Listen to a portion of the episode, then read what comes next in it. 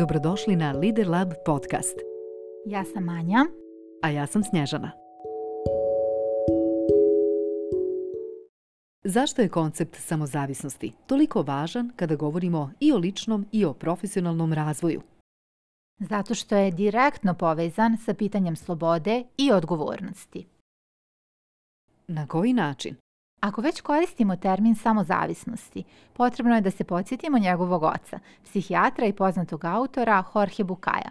U dijelu Put samozavisnosti, Bukaj, da ovdje pojednostavimo, kaže da je nezavisnost iluzoran koncept. Zbog same ljudske materijalne prirode, naša tijela uvijek zavise od goriva u najmanju ruku.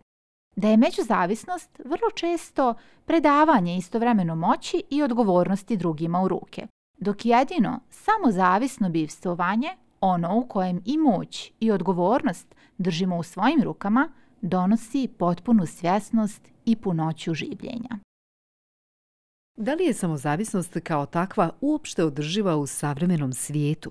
Tačnije, da li uopšte možemo da pretendujemo na to da u svakom trenutku znamo zašto tačno donosimo određenu odluku, da znamo da smo reagovali kao svjesna bića, a ne kao marionete u ulozi progonioca, spacioca ili žrtve?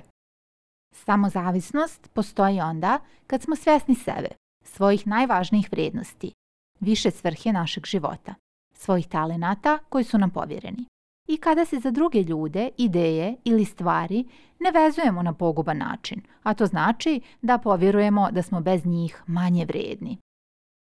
Samozavisnost je dakle neka vrsta stalnog samonadzora, mjesto koje smo kreirali za sebe utemeljeno na našim vrijednostima, talentima, mjesto koje nam niko nije dao, pa nam samim time ne može ni oduzeti.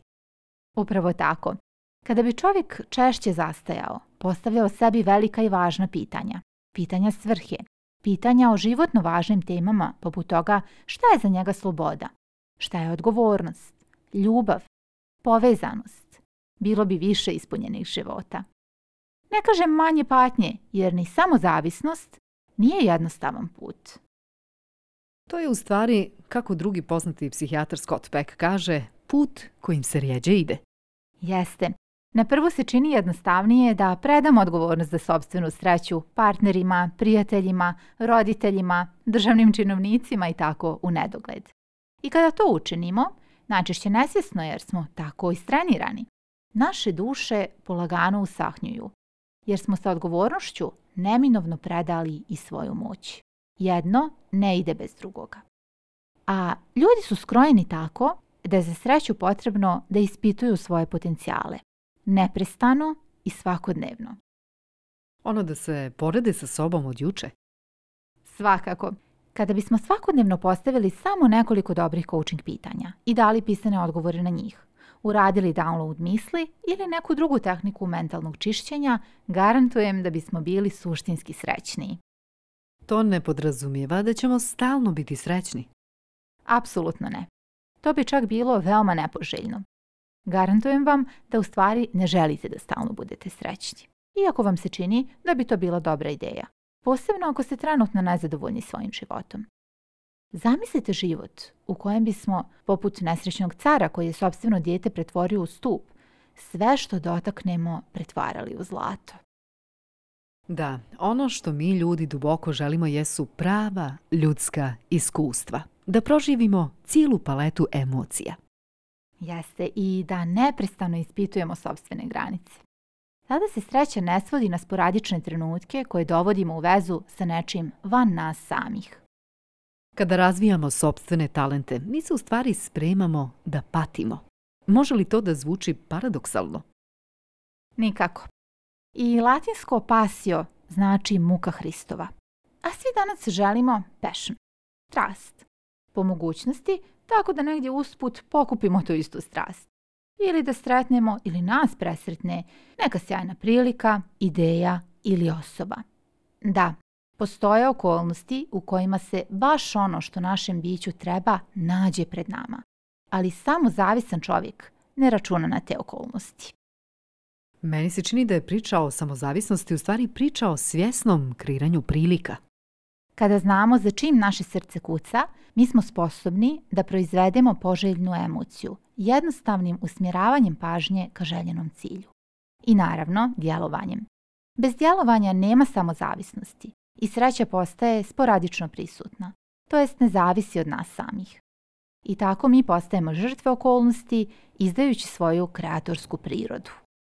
A pošto mi u Lider Labu volimo da razumijemo stvari i to da bismo djelovali i živjeli najispunjenije verzije naših života.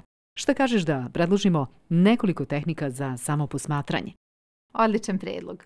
Lično bih svima najtoplije preporučila da se iskreno zainteresuju za sebe u trenucima donošenja odluka i u trenucima pravljenja velikih izbora. To radimo svakodnevno, bezbroj puta. Neke odluke su toliko automatizovane da ih donosimo na autopilotu. Bez pomozga, što kaže narod. Zaustaviti se prije svakog da ili ne i pitati se šta ovo suštinski mijenja u mom životu? Da li je u skladu sa mojim vrijednostima? Kako doprinosi tome da postanem osoba kakva želim da budem? Ko sam ja kada to činim ili ne činim? Ja predlažem također da se za početak svakog posvećenog rada na svojim ličnim profesionalnim ciljevima uradi vježba inventar sadašnjosti. Možete da je uradite više puta i poželjno je da joj se često vraćate, jer se mi, kao i naše vrijednosti, mijenjamo tokom života. Dakle, ne žurite sa postavljanjem ciljeva. Ako se ne zainteresujete za sebe, svi ciljevi će biti postavljeni na klimavim temeljima. Praktikujte neki oblik zahvalnosti. Ne zato što ste čuli da svako večer treba da nabrojite tri stvari na kojima ste zahvalni od nekog gurua, već zato što će vas ova praksa navesti na razmišljanje koje su to vaše istinske vrijednosti. Ovo nije nešto što treba da se radi po automatizmu, jer onda nema nikakvog efekta. Radi se tako što se duboko zamislite šta to naročito čini da vaše srce zaigra. Radi se o tome da na kraju shvatimo da smo najzahvalniji na stvarima u koje smo uložili neku vrstu truda, požrtvovanosti i strpljenja. Prava zahvalnost nas znači može dovesti do spoznaje šta je to naša strast, ako je još uvijek nismo otkrili. Upravo tako. U tome i leži sva mistika oko zahvalnosti. Fokusiranjem na ono do čega nam je stalo, otkrivamo svoje potencijale za dalji rad, trud i akciju. Da, Možemo zaključiti da je samozavisnost zahtjevan stil življenja. Podrazumijeva odricanje od prenošenja odgovornosti za sobstveni život i emocije na druge.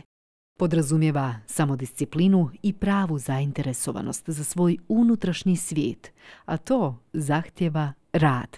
Zahtjeva širenje mape koju smo tokom života formirali i istovremeno je bolno i strastveno, kao i sve kvalitetne veze. Birate li vi samozavisnost? Od čega vama srce igra?